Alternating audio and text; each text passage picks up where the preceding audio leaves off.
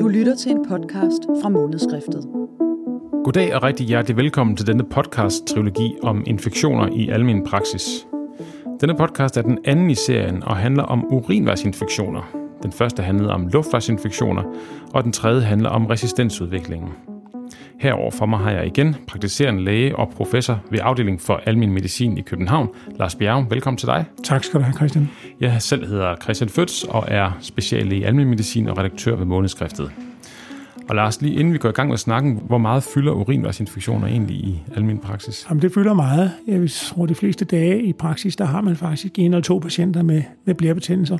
Øhm, og i procent? Nej, i procent ligger der mellem 2 og 5 procent af alle henvendelser. Øh, det, det er skyldes symptomer på blærebetændelse.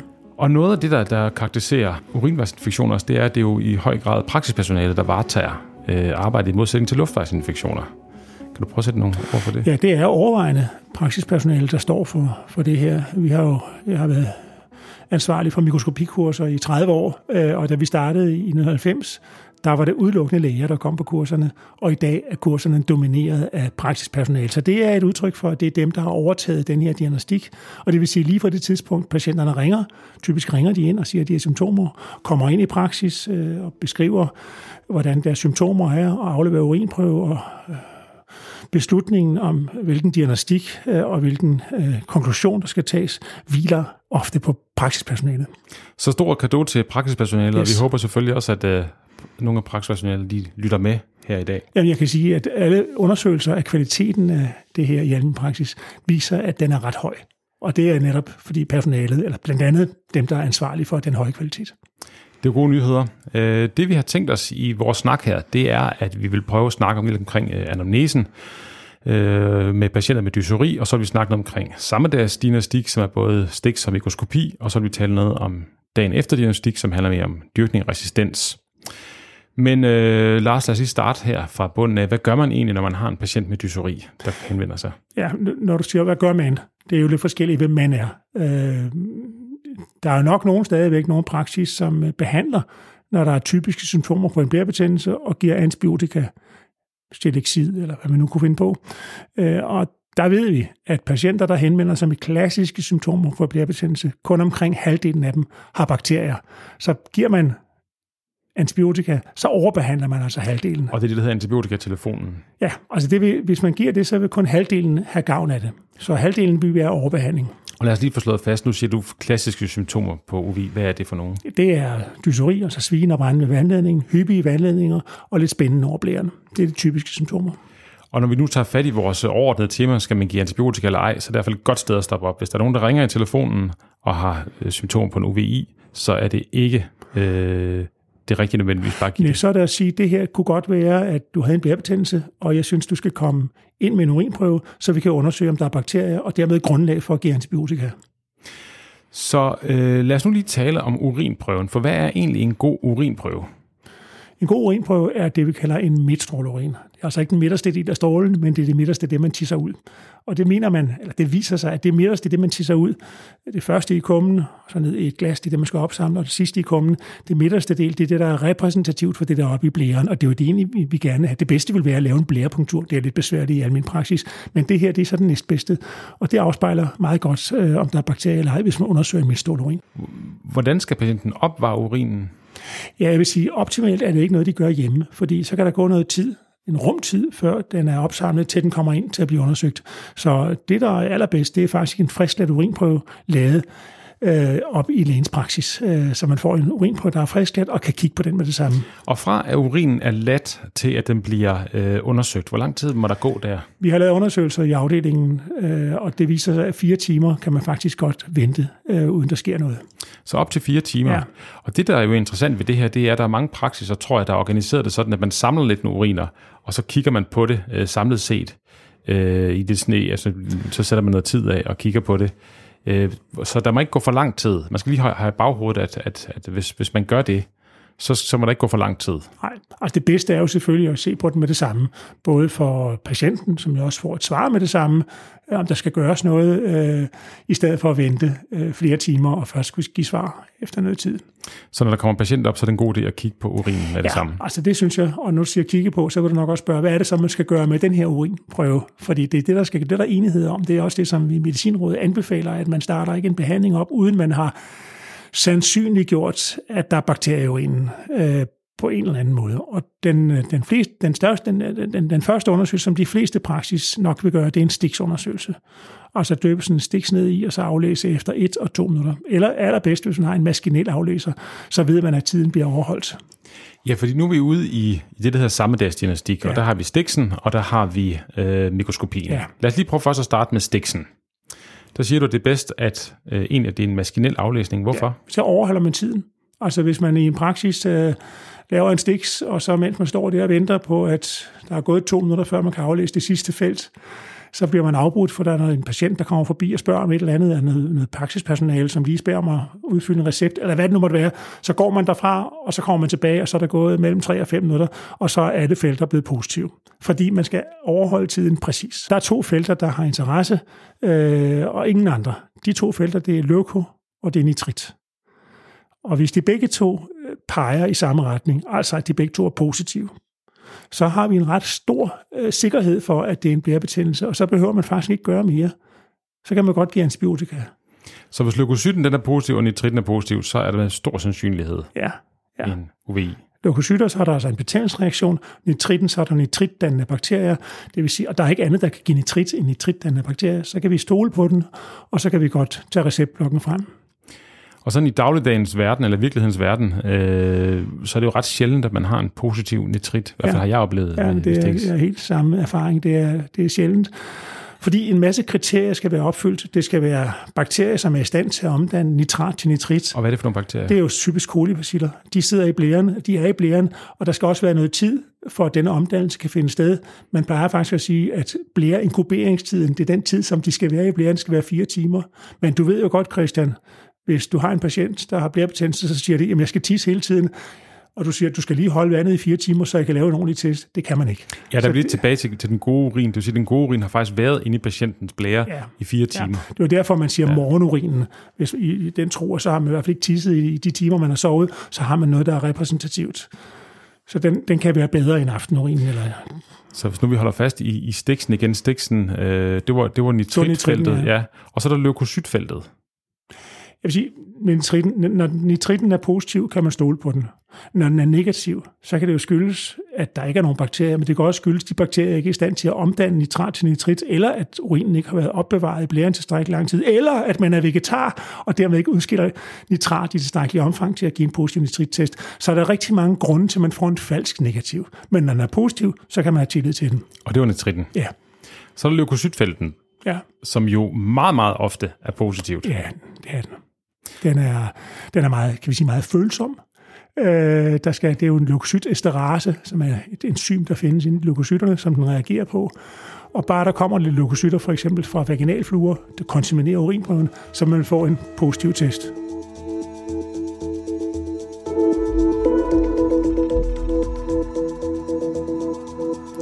Og men hvad så, hvis du har en negativ leuko- leukocytfelt? Jamen, hvis den, der er den jo god. Altså en test, der er, er meget sensitiv, som leukon er, når den er negativ, så bruger vi huskreglen SNOUT, høj sensitivitet out, så kan vi rule out en blærebetændelse, og det er den særlig god til. Så for at, at- for, for at gøre det nemt, så vil jeg sige, at hvis begge felter er positive, så kan vi stole på det, så er det en tegn på en blærebetændelse, og så kan vi behandle umiddelbart på baggrund af stiksen. Hvis begge felter er negative, altså både negativ nitrit og negativ leukocyt, så kan vi stole på, at der ikke er nogen blærebetændelse, og så kan vi lade være at behandle. Og det er så yderpunkterne. Det kan man jo relativt tit, at, at begge punkter er, er negative. Så det kan man jo bruge til noget. Øh, Så er der den store mellemgruppe, Ja. hvor vi har en positiv leukocyt, og hvad så? Ja, og negativ det, nitrit. Det er lige præcis. Det er den kombination, vi ser langt de fleste gange. En positiv leuko og en negativ nitrit. Så for lige at slutte stiksen af, så kan man sige, at stiks er jo smart, fordi det er billigt, det er nemt at håndtere, øh, det kræver ikke så meget uddannelse, og øh, vi har et svar med det samme. Ja. Men det må tages med store forbehold, Ja. Hvis det er det her med, at man har et positivt leukocyt, og man har en negativ nitrit, ja. som det ofte er. Det er den ene samdagsdiagnostik, man kan lave, så er der mikroskopien. Ja. Prøv at fortælle, hvad man kan, hvad man kan bruge en mikroskopi til.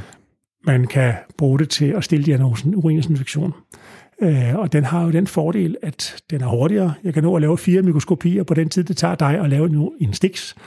Øh, hvis man er rutineret, øh, så kan man meget hurtigt se, om der er bakterier i en urinprøve, og om der er leukocytter. Det er de to kriterier, der ligesom skal være til stede ved en mikroskopi. Og her snakker vi altså fasekontrastmikroskopi ved en 400 gangs forstørrelse, hvor vi kigger på en dråbe af urin, som ikke er slynget. Altså en helt frisk urinprøve. Er der bakterier, er der leukocytter, så er det et udtryk for, at øh, der er en blærebetændelse. Ja, altså vi må sætte en grænse et eller andet sted, og der er altså grænsen er, der skal være mindst én bakterie per synsfelt.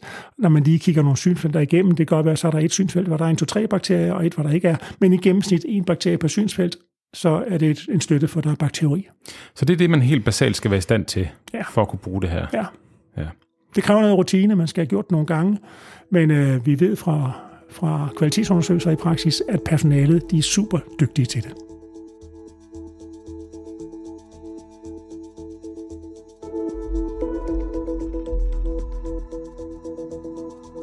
Hvad koster sådan et, et mikroskop? Det koster omkring 20.000 kroner. Det er jo mange penge. Men øh, det er et af de apparater i praksis, som nok hurtigt tjener sig ind igen. Fordi det er godt honoreret at lave mikroskopi, øh, fast kontrastmikroskopi. Det giver faktisk mere end en dyrkning i honorar. Øh, så der skal ikke så mange undersøgelser til, før at det, det er betalt. Du sagde og, cirka et år, var det sådan? Ja, cirka et år, så er, det, så, er det, så er det faktisk betalt. Du må tænke på, at man laver jo ud over, at man laver urinundersøgelser, så kan man jo også bruge mikroskopet til at lave wet altså diagnostik af, af genitalfluer. Og der findes ikke nogen andre undersøgelser, som er lige så gode. Så der, der er det det, der er, det, der, der er guldstandarden. Så det bruges jo, hvis man er kvindelig praktiserende læge, så vil man nok i virkeligheden lave et hyppigere wet end man laver urinvejsdiagnostik. Så det er meget hurtigt tændt ind. Inden for et år, helt sikkert. Så hvis nu vi lige er tilbage igen om, øh, hvis nu vi har en patient, der kommer ind i praksis med øh, dysuri dysori og med et ønske om behandling, vi øh, laver vores tests, og øh, de sammendagsdiagnostik, vi kan lave, det er inkonklusive. Ja. Så er det det, der hedder dagen efter diagnostik. Ja, altså hvis, man, hvis stiksen er plus minus, mikroskopien, det er svært at se. Der er måske der, hvor vi en bakterie per synsfelt, og hvis det er kok, den er rigtig svær at se. Det kan være støvkorn. Vi er usikre så bliver man nødt til at lave en dyrkning. Og så sætter man en dyrkning over, og det gør man rigtig mange praksis, laver dyrkninger selv. En af de mest brugte, det er Flexikult, som er en kombineret dyrkning og resistensbestemmelse. Man sætter den over, og dagen efter kan man så aflæse, om den er positiv eller negativ. Det er altså, diagnosen kommer så først dag to. Og det er så den, man kan sige, gyldne standard? Ja, så øh, hvis man nu man er patient i det her system, så får man altså at vide fra starten af, nu, prøver vi, nu, nu undersøger vi din urin, vi laver en stiks, vi laver en mikroskopi, og når man så har gjort det, så siger vi, vi er nødt til at lige dyrke den til i morgen. Og i det forløb, der er man jo tilbageholdet, der udskriver man ikke antibiotika. Nej, ikke antibiotika. Det man kunne gøre for at hjælpe patienterne, de er jo generet af dysuri og polakisuri, øh, der kan man give et NSAID-produkt, øh, som ibuprofen for eksempel, som hjælper rigtig godt på de symptomer, og så udsætte behandlingen til dagen efter. Og nogen, øh, nogen praksis vil nok også sige, at øh, her har vi en patient, der gør, der har så stærke symptomer, og jeg mistænker virkelig, at der er en blærebetændelse, at der måske også man ligger under for et vist pres, øh, så kan man skrive øh, recepten øh, den dag. Man kan også lave det som vent og sige recept og sige, så har patienten recepten og kan bare indløse den dag to. Der er mange måder at gøre det på. Men hvis der ikke er bakterier, når man får svaret på dyrkningen, så skal man jo ikke have antibiotika. Så skal man ikke hente den, og har man fået det, øh, så er der ingen grund til at fortsætte med det. Og hvis nu vi siger, at øh, vi har en patient, som så, hvor vi ringer til dem dagen efter, vi siger, der var ikke noget på din, øh, der var ikke noget på din dyrkning, hvad gør vi så? Øh, stadigvæk dysori. Hvad siger vi til patienten? Hvad laver man en opfølgningsplan? Hvad... Altså selvfølgelig skal man da være klar over, at det kan være, at man har begået en fejl. Så man, hvis der fortsat er klassiske symptomer, øh, kan man jo lave undersøgelsen en gang til, og så lave en dyrkning igen. Så aftaler man simpelthen en dyrkning? Ja, det kunne man gøre. Ja, man kan også sige til patienten, at det her det tyder på, at der ikke er nogen øh, bakterier som årsag til symptomer. Der er også virusbetingede blærebetændelser, øh, der er også det, vi kalder uspecifikke urtritter, hvor der er mikroorganismer, som vi ikke er helt klar over, hvad er for nogen. Så man, man kan sætte an øh, og sige, kom igen, hvis symptomerne bliver ved. Så kan vi yderligere undersøge det. Jeg kunne godt tænke mig, at vi lige prøver at dvæle et øjeblik ved det her med, øh, med det her pres, man kan opleve jeg tror, de fleste ved godt, hvad du mener med det. Altså, man, kan, man har nogle patienter, der kommer, og de vil egentlig bare gerne have noget antibiotika af flere forskellige årsager, og det oplever man som et pres. Øh, ved vi noget omkring, hvordan læger oplever det pres, eller hvad man kan gøre i den situation? Vi ved, der er lavet rigtig mange undersøgelser, hvor man øh, interviewer patienter før de kommer ind. Og så efter de har været i koncentrationen, øh, og man har også interviewet lægerne. Og sammenstemmen viser mange af disse kvalitative undersøgelser, at øh, vi som læger ikke altid er særlig gode til at opfatte, hvad det egentlig er, patienterne ønsker. Det, som læger ofte øh, giver udtryk for, det er, at de oplever demand. At patienten vil gerne have antibiotika. Men man spørger de samme patienter, så viser det sig, at det var faktisk ikke det, de kom for. De var i virkeligheden bekymrede for situationen og kunne godt leve med ikke at få antibiotika, bare de var grundigt undersøgt. Og øh, fik at vide, at det her det nok kan gå over sig igen af sig selv, eller at vi kan vente og se an, men det er undersøgt, og det er ikke farligt. Øh, så det er ikke, det er ikke et krav. Øh, det krav, som lægerne oplever, det er faktisk ikke det, som patienterne siger.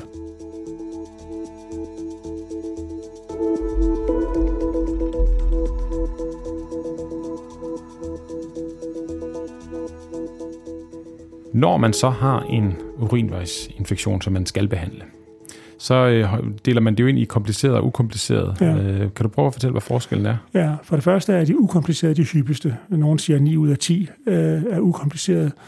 Øh, måske er det ikke så mange, men det er i hvert fald den hyppigste. Øh, og det er jo altså, for det første er det kvinder. Øh, så snart det er mænd, så er det altid kompliceret, både ved urininfektioner og som så mange andre situationer, når mænd de er komplicerede. Men ellers er det jo så patienter, som har nogle... Øh, øh kan man sige, naturlige risikofaktorer for at få urininfektioner, f.eks. malformationer, nedsat immunforsvar, øh, kroniske tilstande, hvor, hvor, hvor risikoen for komplikationer er større. Så kalder vi en kompliceret urininfektion, og de skal håndteres på en lidt anden måde end de ukomplicerede. Hvordan håndterer vi så, hvis vi tager de ukomplicerede først?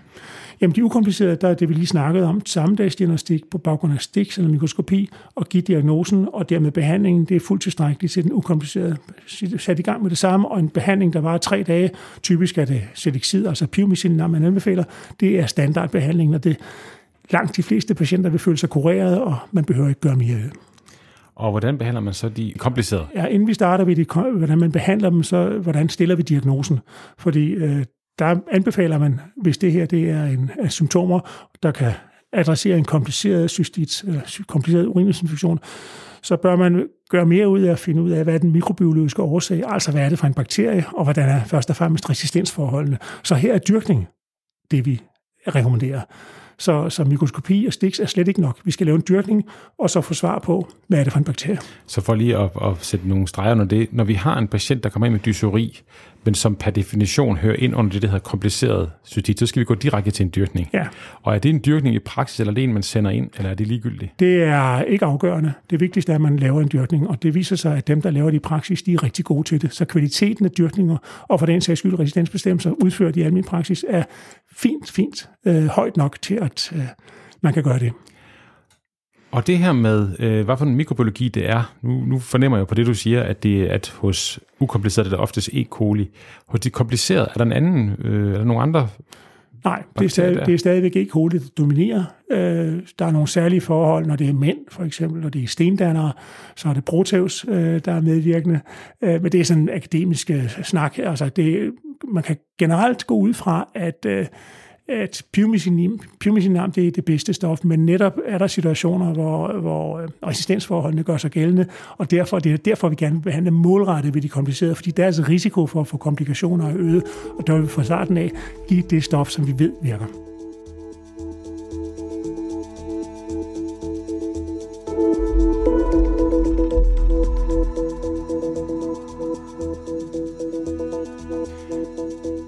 Nu vi taget udgangspunkt i en, øh, en kompliceret øh, cystit, for eksempel hos en mand, en mand, der får en cystit, så har det vel tidligere været sådan, at når, man, når en mand fik en cystit, så udløste det på en eller anden måde per automatik et, et udredningsforløb efterfølgende, hvor man, men det forholder sig ikke helt sådan længere. Altså, jeg vil sige, hvis det er en... Øh, det kommer lidt an på, hvor, hvor gammel den her mand er. Hvis vi er i 40-50-årsalderen, og der er det stadigvæk heller ikke, der er det usædvanligt, at man pludselig får en blærebetændelse, når man er 40-50 år.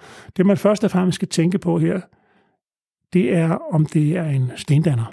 Øhm, og spørge ind til, om der har været episoder af den art. Og hvis det er tilfældet, så kan det være relevant at lave en CT-ugrafi for at afklare, om, det er en, om der er sten i urinvejene og dermed om man kan gøre noget for det. Hvis det er en ældre patient, skal vi sige over 60 år, så er det først at man prostata, man skal tænke på, at der er afløbshindringer, og der kan det være relevant at spørge ind til, øh, om der er symptomer på det, og eventuelt lave en, øh, en cystoskopi. Nu har vi talt en del om den diagnostik, man kan lave i praksis, og vi har talt om, om øh, dyrkning og resistens. Jeg tænker, en af de problemer, man kan opleve i praksis, det er jo, at man, øh, hvis ikke selv man laver sådan en resistensbestemmelse, så har man en patient, der kommer ind øh, med, med dysori og har et ønske om behandling, og så sender man den ind til hospitalet for at få den dyrket, og der kan være, der er fire dages svartid på det. Og det er vel sådan, de fleste, så, så starter man måske op med antibiotika øh, allerede fra starten af, eller hvad? Ja, altså ventetiden på svaret er ret afgørende for, hvad man gør som praktiserende læge. Hvis der er, hvis, og det er meget forskelligt, hvor, afhængig af, hvor man er henne. Jeg ved fra flere af de københavnske mikrobiologiske afdelinger, de er faktisk hurtige til at levere et svar, øh, og nogle steder allerede dagen efter.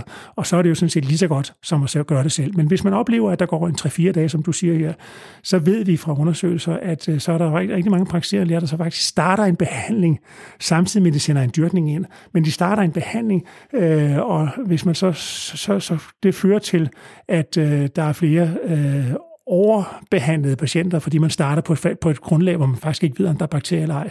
Øh, og det er, fordi man måske ligger lidt under pres for at gøre noget. Så der er det jo bedre at gøre det selv, og kan sige til patienterne, ved du hvad, i morgen der er svar på, om der er bakterier, ring ned til mig, og så kan vi snakke om det, og så kan du få behandling, hvis der er det. Og det kan langt de fleste patienter synes, det er faktisk en rigtig god service. Men hvis du siger, at du skal vente 3-4 dage, så kan, jeg, så kan jeg se, om der er bakterier på svaret fra mikrobiologerne. Det er ikke tilfredsstillende for mange. Så øh, jeg vil anbefale, og det, vi ved også, kvaliteten af det, man laver i almindelig praksis, når det handler om dyrkning og resistens, den er høj. Så gør det. Øh, det fungerer rigtig godt. Lars, øh, tusind tak, fordi du øh, fortalte omkring øh, urinvejsinfektion i almindelig praksis. Jeg tænker lige til allersidst, jeg vil spørge dig, hvis nu man sidder og er interesseret i og vil gerne blive dygtig og fordybe sig i det her felt, hvad, hvad kan du så anbefale?